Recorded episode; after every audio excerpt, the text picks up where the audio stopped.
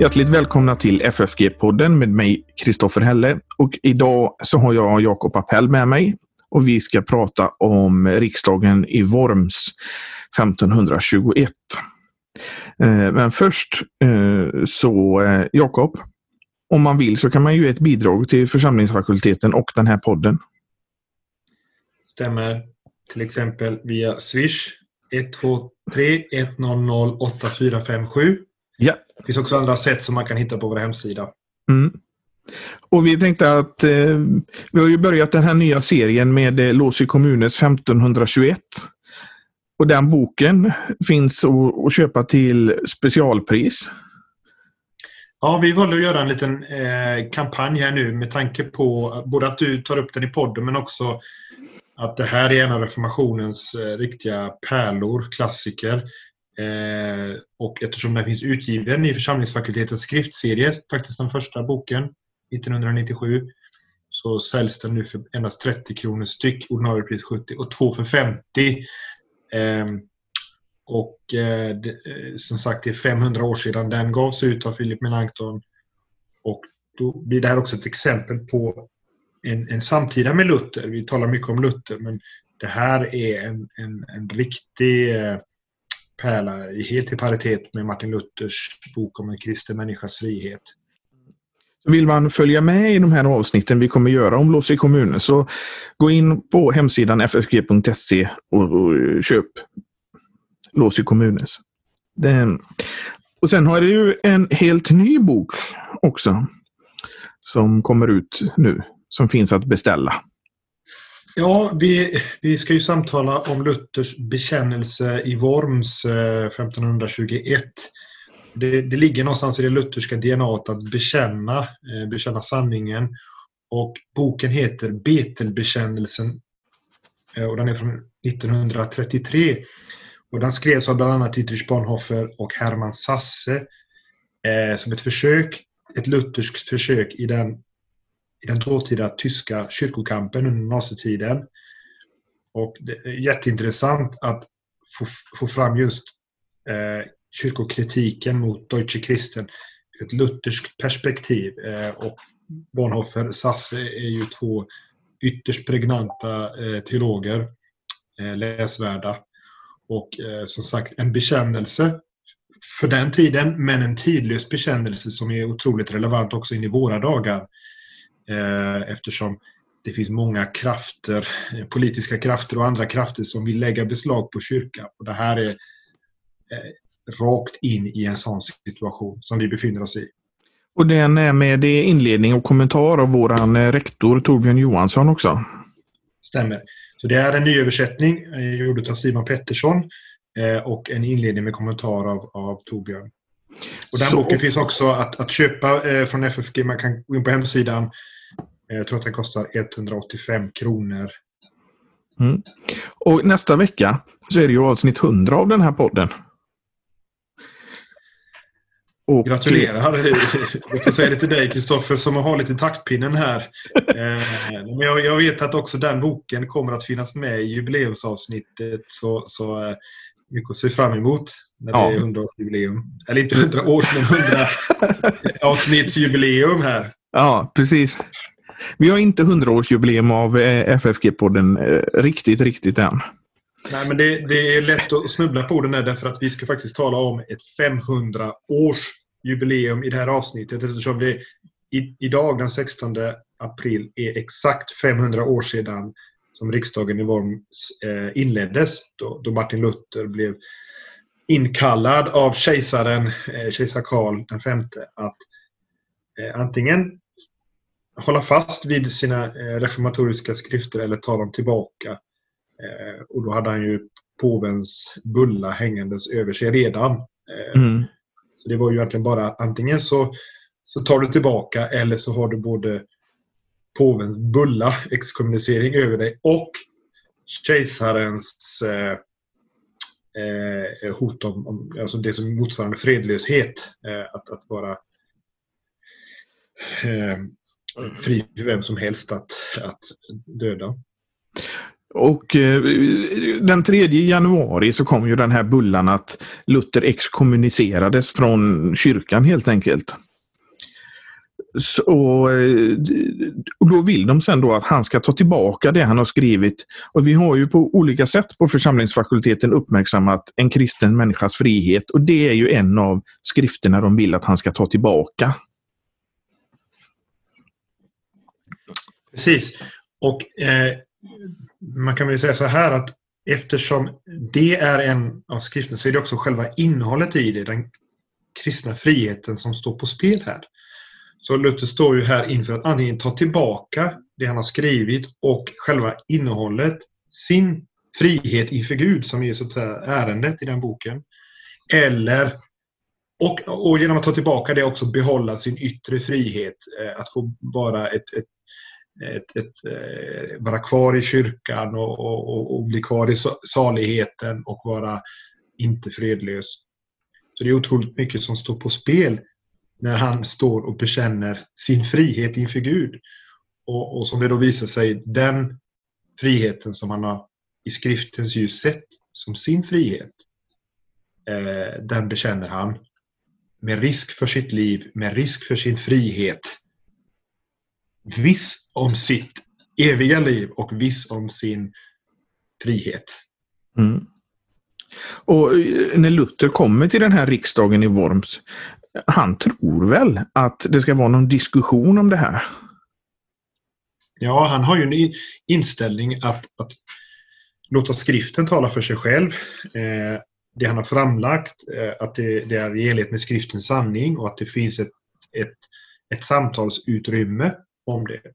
Men, det, men den, det märker han ju snart att det, det handlar bara om att ta tillbaka eller hålla, hålla fast vid det och då ta konsekvenserna av det.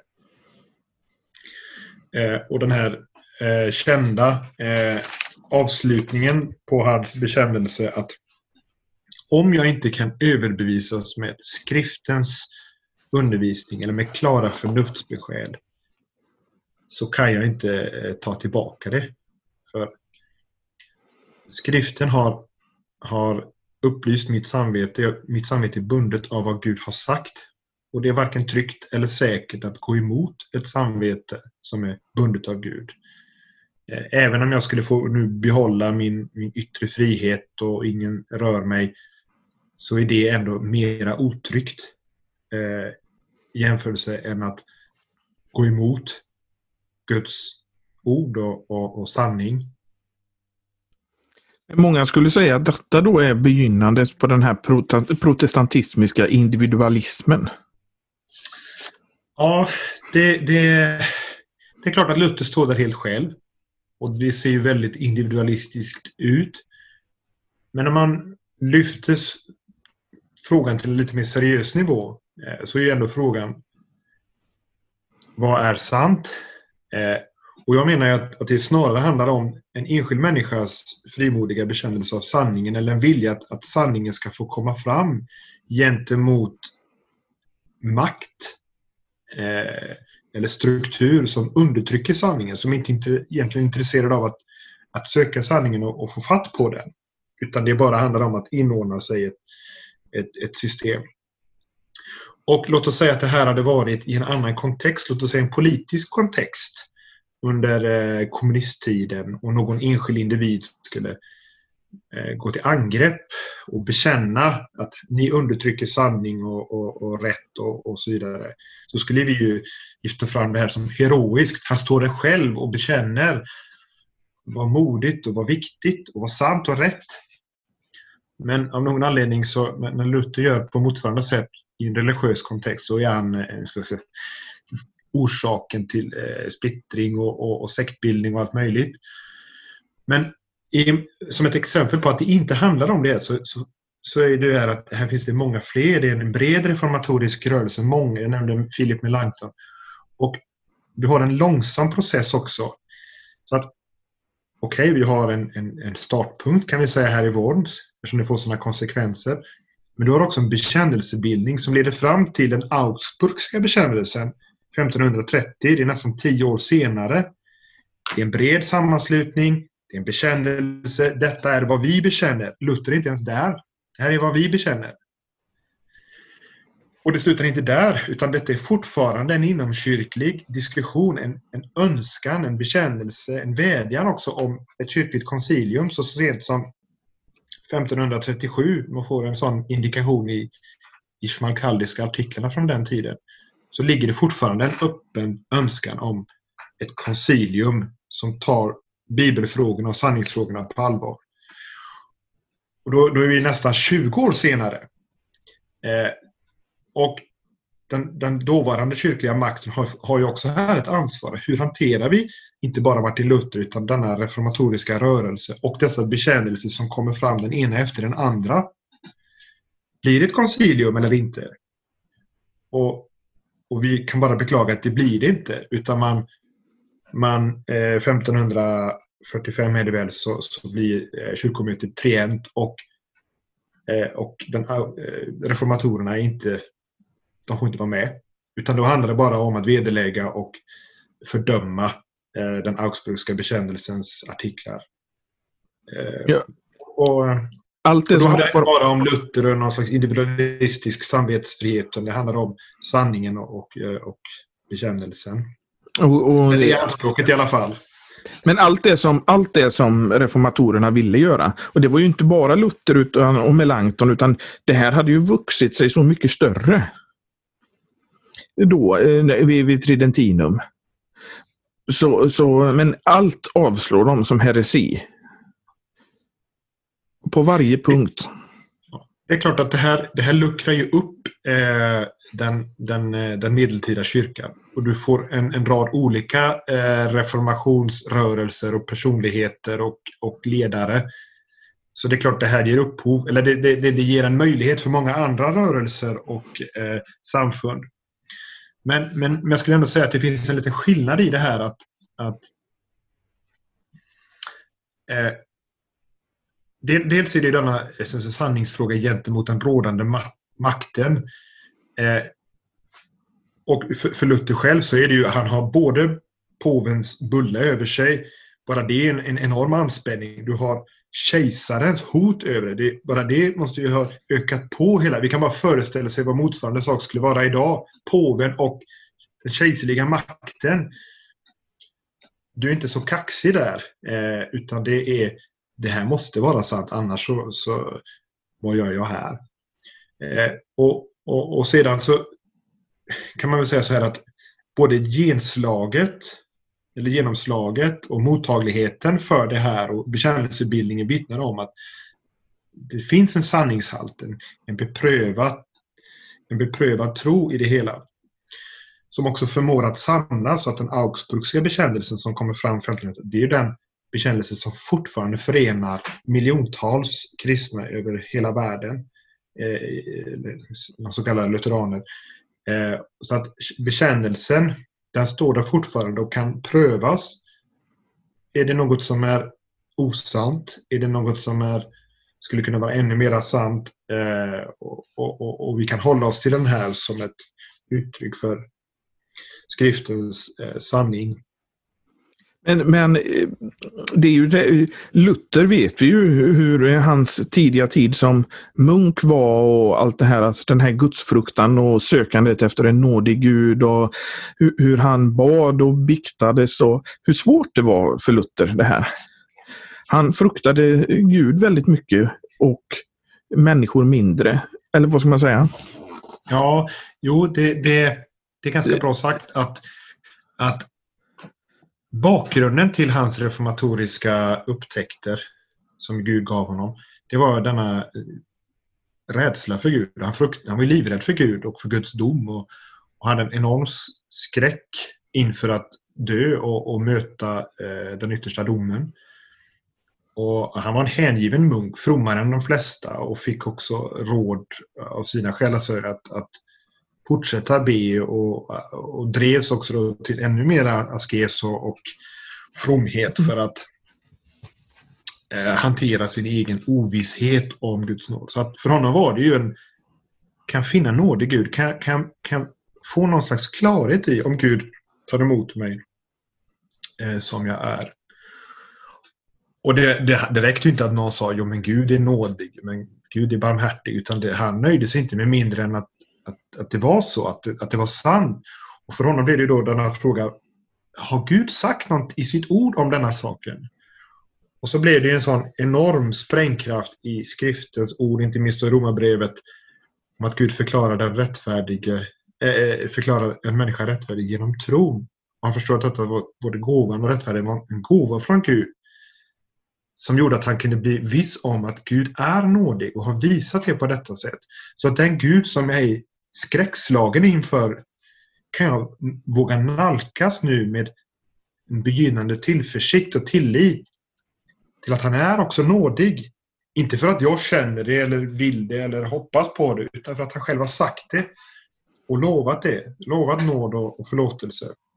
Så du får också det här, denna begynnande frihet. Frihet från, från träldomens fruktan och ovisshetens monster som, som återkommer ofta i hans, hans eh, uppgörelse med mm. Eh, sin, sin, uppväxt och så. Eh, och då, då, då, då får jag ju denna, denna eh, samvetsfrid och, och frihet. Han förstår att Gud har som, som den syndare han förstod att han var också fått nåd och frid hos Gud. Och med nåd från Gud så förstår han ju också att Gud är med honom. Vilket också blir en, en enorm kraft inför det att han ska möta kejsaren. Vi förstår att han var otroligt rädd och, och, när han ber om en dags extra betänketid så är det ju en dag, en natt full av ångest och bön och, och, och rådslag om, om, om, om vad han ska säga och så. Men, men han men, är till... Ja, varsågod. Ja, men, men när han står där på, på söndagen är det då och inte tar tillbaka det, det, han, eh, de vill att han ska ta tillbaka. Då är det ju det som vi pratade om innan. Det är, han är inte rädd för människors dom. Men går han emot det här som han har, har, har påbörjat, då vet han att det är Guds dom. Precis.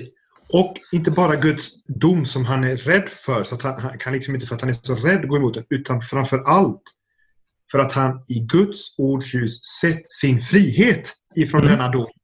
Evangeliets mm. frihet. Det som han skrivit så briljant om i en kristen människas frihet. Jag kan inte ta tillbaka det här. Det här är ju mitt enda hopp. Det är det enda som jag själv tror på. Det är den lilla saken här att bli illa behandlad och kanske dödad av kejsaren här den stora saken är, är ju hur, hur Gud ska behandla mig. Om jag tar tillbaka det som jag har fått uppenbarat för mig i skriftens gjorde att jag förklarar rättfärdig genom tro och får ta emot det. Då är jag ju tillbaka in i, i, i, i fruktan och, och slaveri eh, och ovisshet. Eh, och då har inte, det är inte så att säga vägen tillbaka. Eh, så att så jag tror att det ligger en väldig kraft i detta att han vet att nu Gud är för honom.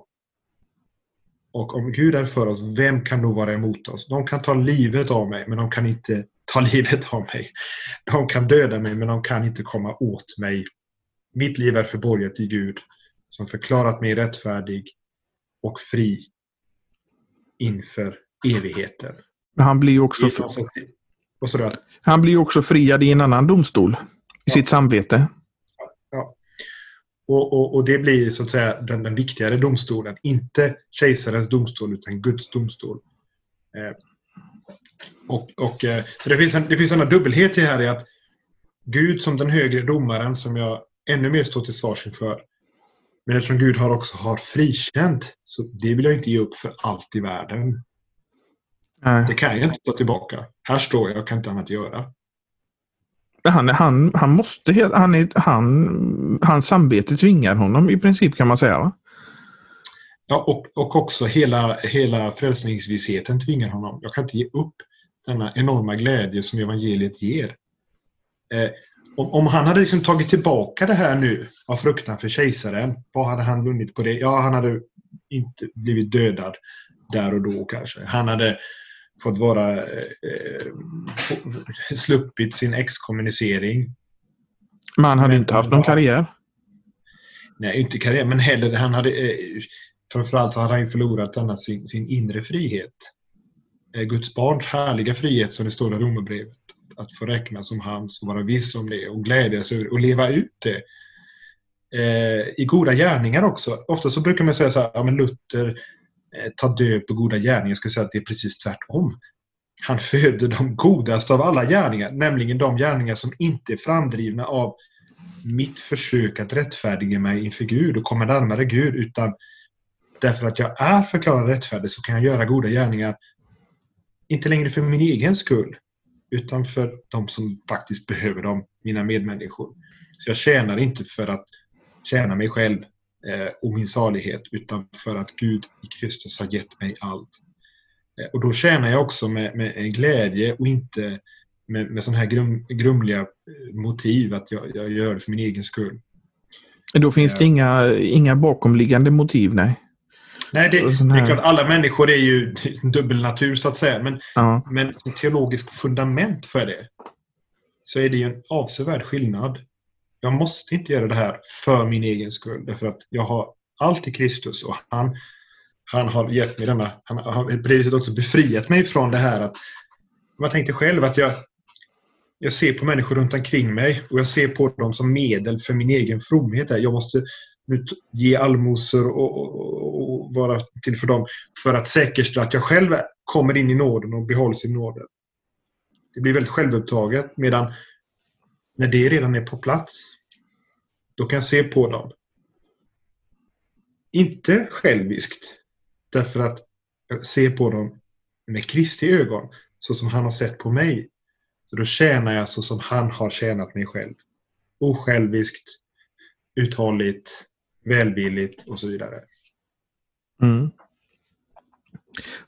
Och, men som sagt att det, den kritiken du tar upp, att de säger att Luther har tagit död på goda gärningar, det är ju faktiskt någonting som återkommer och återkommer bland eh, eh de lutherska motståndarna så att säga.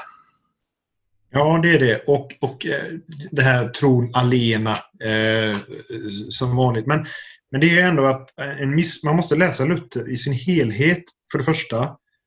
Eh, men sen också att få fatt på vad, vad är ärendet i detta tron alena? Jo, det är att få hjälpa en människa till en, en, en visshet om hur Gud ser på en i, i Guds domsperspektiv men också då inför, inför sitt livs perspektiv. Eh, så att du inte går runt och, och, och, behöver vara oviss och därmed också ganska inkrökt till dig själv i din andlighet. Det blir som en sån här andlighet som bara kretsar kring, kring mig själv. Eh, och när jag blir befriad ifrån det och det, det liksom sjunker in så ser jag på, på mina uppgifter och på andra människor i ljuset av vad Gud har gjort så fullkomligt och så underbart för mig själv. Så att när jag hjälper min nästa så som Kristus hjälper så blir det en frukt av vad jag faktiskt tror att Kristus gör för mig själv. Och då kommer detta med trons frukt fram. Tron är inte alena. Hur skulle det kunna vara det? Min glädje är i Kristus, vad han har gjort och gör och fortsätter att göra. Varje dag. Men för frälsningen så är ju tron alena. Ja, visst. Jag skulle ju aldrig... Liksom, det, det, det, aldrig, aldrig, men, men det, det, kan aldrig bli så här att jag börjar komma dragande så här, nu har jag hjälpt den här vad säger du om det Jesus? Påverk. Nej, det är redan färdigt. Och varför gör jag gärningar? Varför tar jag hand om mina uppgifter? Varför Ta hand om mina barn? Varför är jag en kyrkans tjänare? Varför? Jo, därför att Gud i Kristus har gett sitt liv och, och fortsätter att göra. Tvätta fötter, duka sitt bord, bli vår tjänare i gudstjänsten.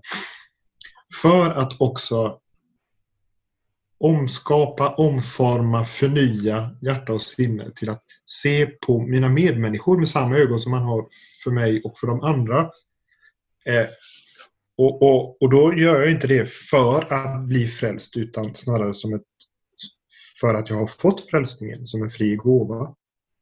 Och Sakarias säger ju det i Sakarias lovsång att han sjunger lovsång med, med Andens inspiration att nu får vi tjäna Herren utan fruktan i helighet och rättfärdighet inför honom och inför Gud i alla våra dagar. Hur kan han bekänna en sån sak? Vad vet han om, om överimorgon där? Vad, vad han skulle kunna säga eller göra av, av, av något syndigt här. Nej, jag vet. Inför Gud, alla dagar, varenda dag, kan tjäna Gud utan att vara rädd. Helig och rättfärdig. Som ett faktum, som en gåva som jag har med mig och som gör att jag kan tjäna Gud i mina medmänniskor utan att vara rädd, utan snarare glad och tacksam för allt som jag får av Gud. Ja, det, det är ju faktiskt det här eh, första Johannesbrevet. Vi älskar för att han har älskat oss först. Och Lut, Lut, Lut talar ju med skriften. Han, Paulus också har vi ju som exempel. Ja, alltså Romarbrevet och Galaterbrevet är ju så att säga de här huvudbreven. Men, men jag har själv tänkt på det i, i första Johannesbrevet kapitel 4 där.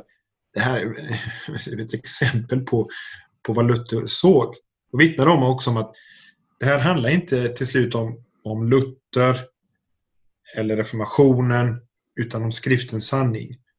Eh, eller att man, man ska välja och vraka eh, vad man vill i, i skriften. Utan på, på, på så många olika sätt kommer samma evangelium fram. Inte bara i Paulus utan också i Johannesbrevet. Det står så här att vi älskar därför att han först har älskat oss. Och då har han först också beskrivit vad denna kärlek består i. Inte att vi har älskat Gud, utan i att han har älskat oss och gett sin son till försoning för våra synder. Så då har du redan lagt ett fundament vad Gud har gjort för oss på korset till försoning för våra synder. Och så står det denna kärlek, alltså Guds kärlek till oss, inte vår kärlek till Gud. Det är liksom trycket under. Denna kärlek når sitt mål i oss. Det vill säga, poletten faller på plats. Det, det, det, det är kött i oss. Hur? Jo, först står det då i kapitel 4 att vi älskar varandra. Och det är liksom ganska väntat. Okej, okay, vi ska älska varandra så som Gud älskar oss. Eh, har vi lärt känna kärleken så får vi återspegla den i vårt förhållande till andra. Men han säger nästan ordagrant att kärleken når sitt mål i oss några versar senare. Eh, vers 17. Kärleken når sitt mål att vi är frimodiga på domens dag. Och det här är, det här är Luthers teologi i ett nötskal. Att stå frimodig utan fruktan inför Gud på domens dag. Det var ju det som var hans stora skräck. Och som han inte kunde nöja sig med mindre än att Gud på något sätt talade om för honom att han kunde få komma frimodig och glad inför det. Och då säger Johannes att kärleken, vilken kärlek? Är det jag, mig och min kärlek som försöker närma mig Gud genom goda gärningar? Eller är det denna kärlek som Gud har visat oss? Och det förstår vi av, av sammanhanget i den. Och det lägger, märke, lägger vi märke till hur han då motiverar denna frimodighet som vi kan ha. För sådan han är, sådan är också vi i den här världen. Okej, nu kanske det här är en diskussion om vad det här betyder, men jag ser det här framför mig. Sådan Gud är, sådana är vi också i den här världen. Det vill säga, vi är rättfärdiga och heliga, inte i oss själva, men i honom. Och sen kommer det här. Det finns ingen rädsla i kärleken, utan den fullkomliga kärleken driver ut rädslan, för rädslan hör samman med straff. Det vill säga, den rädsla som Martin Luther har och hade, på goda grunder. Gud är en helig, bred Gud. Jag fruktar hans dom på goda grunder. Men den fullkomliga kärleken som vi ser i Kristi försoning för våra synder, den har kraft att driva ut också denna rädslan för Gud själv och hans dom. För rädslan hör samman med straff, men om straffet var lagt på honom för att vi skulle få frid, så finns det faktiskt något som förmår att driva ut den rädslan för straff, nämligen vad Kristus har gjort för oss. Och då kan en människa nalkas domen frimodig utan fruktan. Och kraften till det ligger i att denna fullbordade frälsning, den fullkomliga kärleken i Kristus, når in, når fram och fördjupas. Bli kvar i min kärlek, säger Jesus i Johannes evangeliet. Då kan den bära frukt i frimodighet inför Gud och i att jag älskar eh, min nästa så som han har älskat oss. Ja. Och eh, det här är ju eh, saker som Luther bär med sig när han står framför riksdagen i Worms den, den här söndagen. Som det är då. När han inte tar tillbaka sina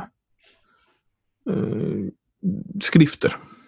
Om vi, om vi får utgå ifrån det. Han säger ju själv eh, att när han upptäcker vad, vad, vad Paulus säger i Romarbrevet att då öppnades paradisets port. Det är alltså en djup erfarenhetsmässig glädje över någonting som Gud visar för honom och ger åt honom.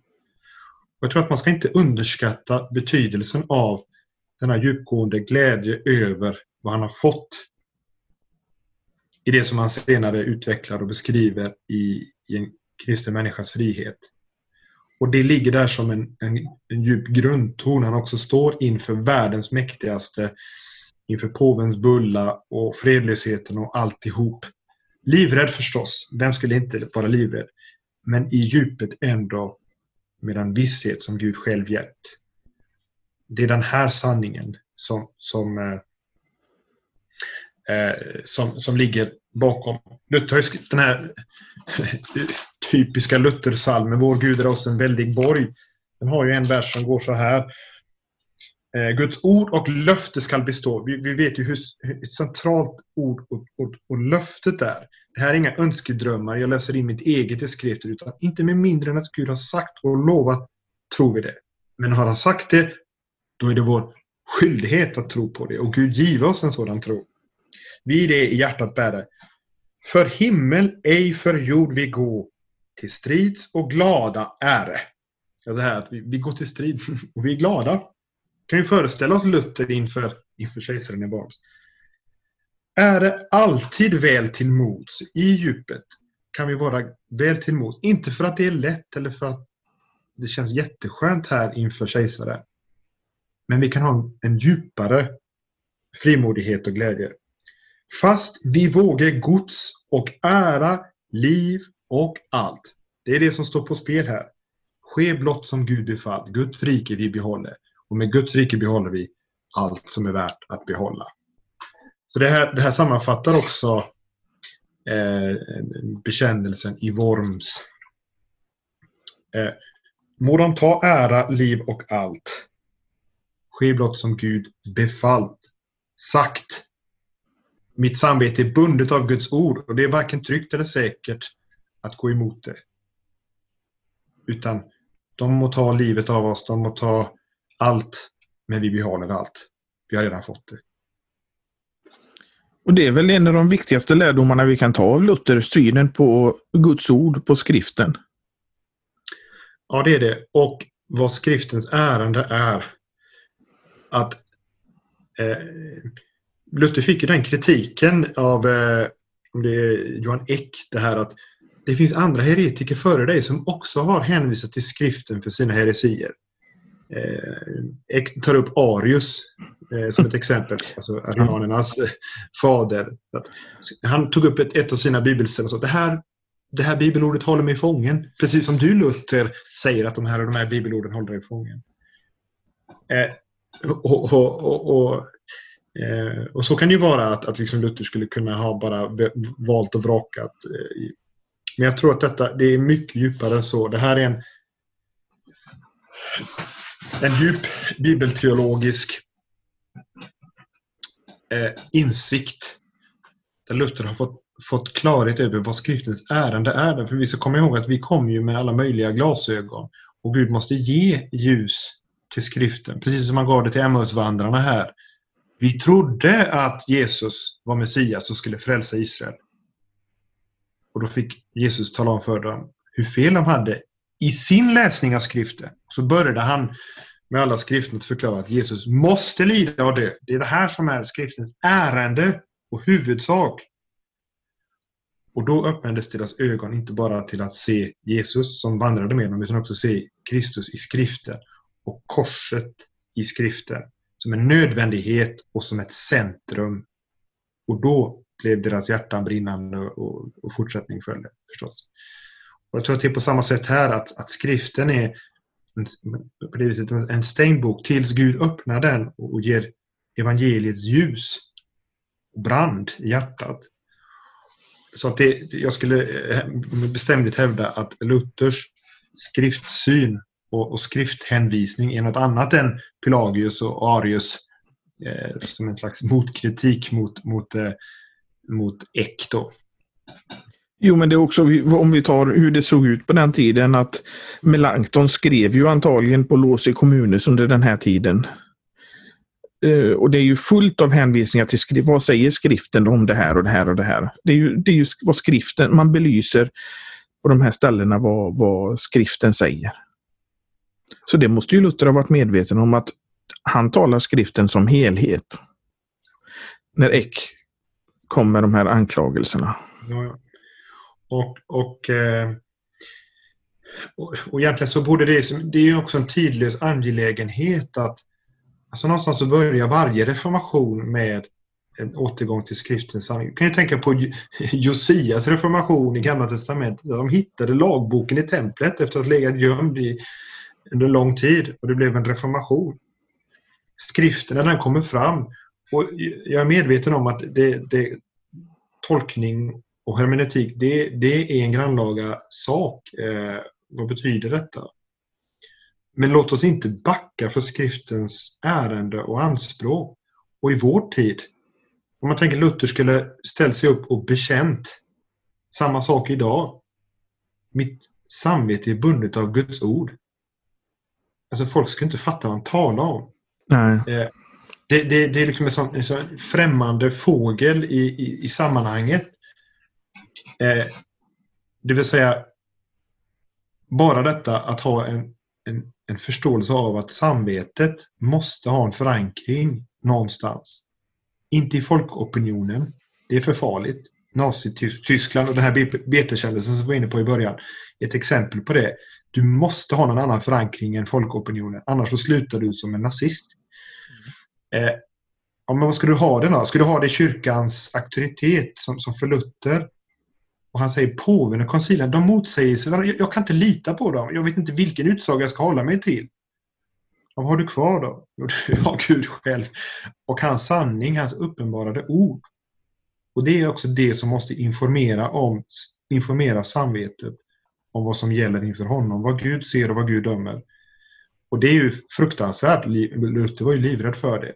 Tills han också i skriftens ljus såg Guds frikännande eh, och rättfärdighet. Som på det viset också eh, förnyade kyrkan. Det blev tyvärr inte en inomkyrklig reformation utan det blev en, en kyrkoschism eh, som, som vi lider utav, får man ju säga, ända in i våra dagar. Och vi skulle kunna säga att vi, i Svenska kyrkans sammanhang så är det ju med stor, stor sorg som vi är vad ska jag säga, dåliga arvtagare av Luther. Hur liten plats skriften får ha i att informera våra samveten om vad som är sant och rätt inför Gud. Eh, tänk om, om det skulle vara liksom en, en, en, den bärande tanken för, för en luthersk folkkyrka.